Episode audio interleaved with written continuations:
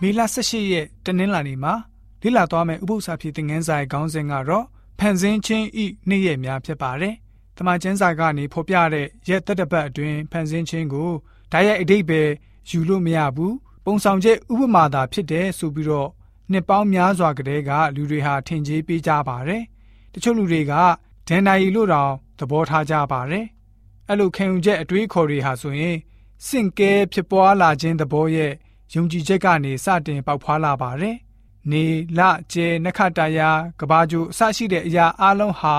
အချိန်ကြာမြင့်စွာအချိန်ယူပြီးဖြစ်လာရတယ်လို့ယုံကြည်ကြပါတယ်။အဲ့ဒီအကြောင်းကိုတမန်ကျမ်းစာကဘယ်လိုမျိုးသွန်သင်ထားလဲ။ကဘာဦးကျမ်းကဖော်ပြတဲ့ဖန်ဆင်းခြင်းရက်တရပတ်ဟာပုံဆောင်ခြင်းမဟုတ်ဘဲနဲ့ဓာတ်ရိုက်အချိန်သာဖြစ်တဲ့အကြောင်းရက်တွေဟာလည်းပဲပုံဆောင်ခြင်းမဟုတ်ကြောင်းဘယ်လိုမျိုးဖော်ပြထားလဲဆိုတာကိုကြည့်ကြပါစို့ ကပောက်ကျန်ခန်းကြီး1ငွေ305နဲ့ထွမြောက်ကျန်ခန်းကြီး20ငွေ8ကနေ17ကိုဖတ်ပါမယ်ဖျားသခင်ကလည်းအလင်းဖြစ်စေဟုအမိန့်တော်ရှိ၍အလင်းဖြစ်လေ၏ထိုအလင်းကောင်းသည်ကိုဖျားသခင်မြင်၍အလင်းနှင့်မောင်မိုက်ကိုပိုင်းခြားခွဲထားတော်မူ၏အလင်းကိုနေဟုသောအမည်ဖြင့်၎င်းမှောင်မိုက်ကိုညဟုသောအမည်ဖြင့်၎င်းခေါ်ဝေါ်သမုတ်တော်မူ၍ညဦးနှင့်နနက်သည်ပထမနေ့ရက်ဖြစ်လေ၏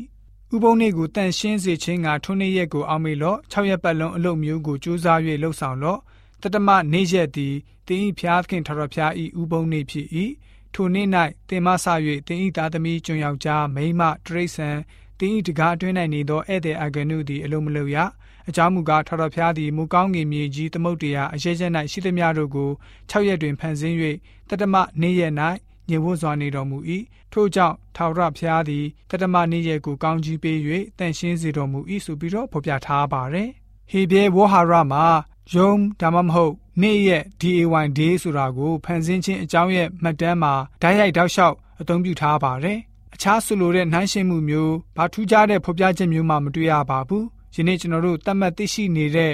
နေ့ရက်အစဉ်တိုင်းသာဖြစ်ပါတယ်ယနေ့သတ်မှတ်တဲ့နေ့ရက်တွေလို့မဟုတ်ပါဘူးလို့ခံယူနေတဲ့ကျမ်းစာလေ့လာတဲ့သူတွေတောင်ကျမ်းကိုမူရင်းရေးသားတဲ့သူဟာနေ့ရက်တာမန်ရိုးရိုးကိုသာရင်ညွှန်းရေးသားကြောင်းလက်ခံကြပါတယ် ဖျားသခင်ကနေပထမဦးစွာစတင်မှဲ့ဆိုတဲ့အချိန်ရဲ့နာမအမည်ကအမတန်မှစိတ်ဝင်စားဖွယ်ကောင်းလာပါတယ်။ယုံဒါမှမဟုတ်နေ့ရက်အဲ့ဒီဟာကိုဆိုလို့ရှိရင်အတိပ္ပယ်ဖွင့်ဆိုချက်နဲ့တပါးတည်းရေးသားထားပါတယ်။ညဦးနဲ့နံနဲ့ဆိုပြီးတော့ဖြစ်ပါတယ်။အဲ့ဒီဝဟာရဟာမူရင်းတရားအရာဘဟုဘုတ်ကင်းအများမဟုတ်ပါဘူး။ဧကဝုတစ်ခုနဲ့သာရေးသားထားပြီးတော့နေ့ရက်တရက်ကိုသာရည်ညွှန်းရေးသားခြင်းဖြစ်ပါတယ်။နေ့ရက်တွေကိုမဆိုလိုပါဘူး။ဒါကြောင့်ခုနှစ်ရက်အတွင်းခတ်သိမ်းသောအရာတွေကိုဖန်ဆင်းခြင်းက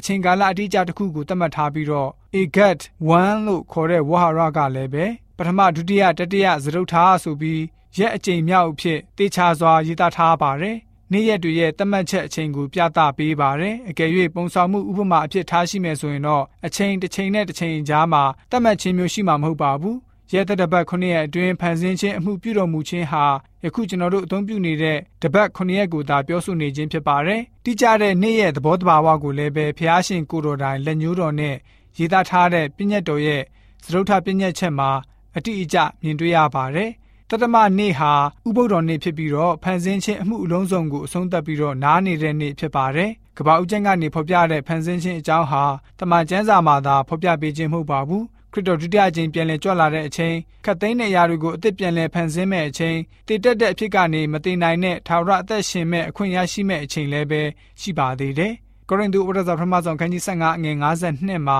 မျက်စိတမိတ်လျှက်တစ်ပြက်အတွင်းနောက်ဆုံးသောတဘိုးမုတ်လင်းဆိုပြီးတော့တွေ့ရပါတယ်။ဖျားရှင်ဟာအသက်ပြန်လည်ဖန်ဆင်းခြင်းကိုမျက်စိတမိတ်လျှက်တစ်ပြက်အတွင်းပြုတော်မူလိမ့်မှာဖြစ်ပါတယ်။ဖျားရှင်ရဲ့ဖန်ဆင်းခြင်းအကြောင်းအရာတွေကို တည်တည်ချာချာဂကနနနားလည်သိရှိစေဖို့အတွက်တနင်္လာနေ့ဥပုသ္စာဖြစ်တဲ့ငန်းစာကဖော်ပြပေးထားပါတယ်။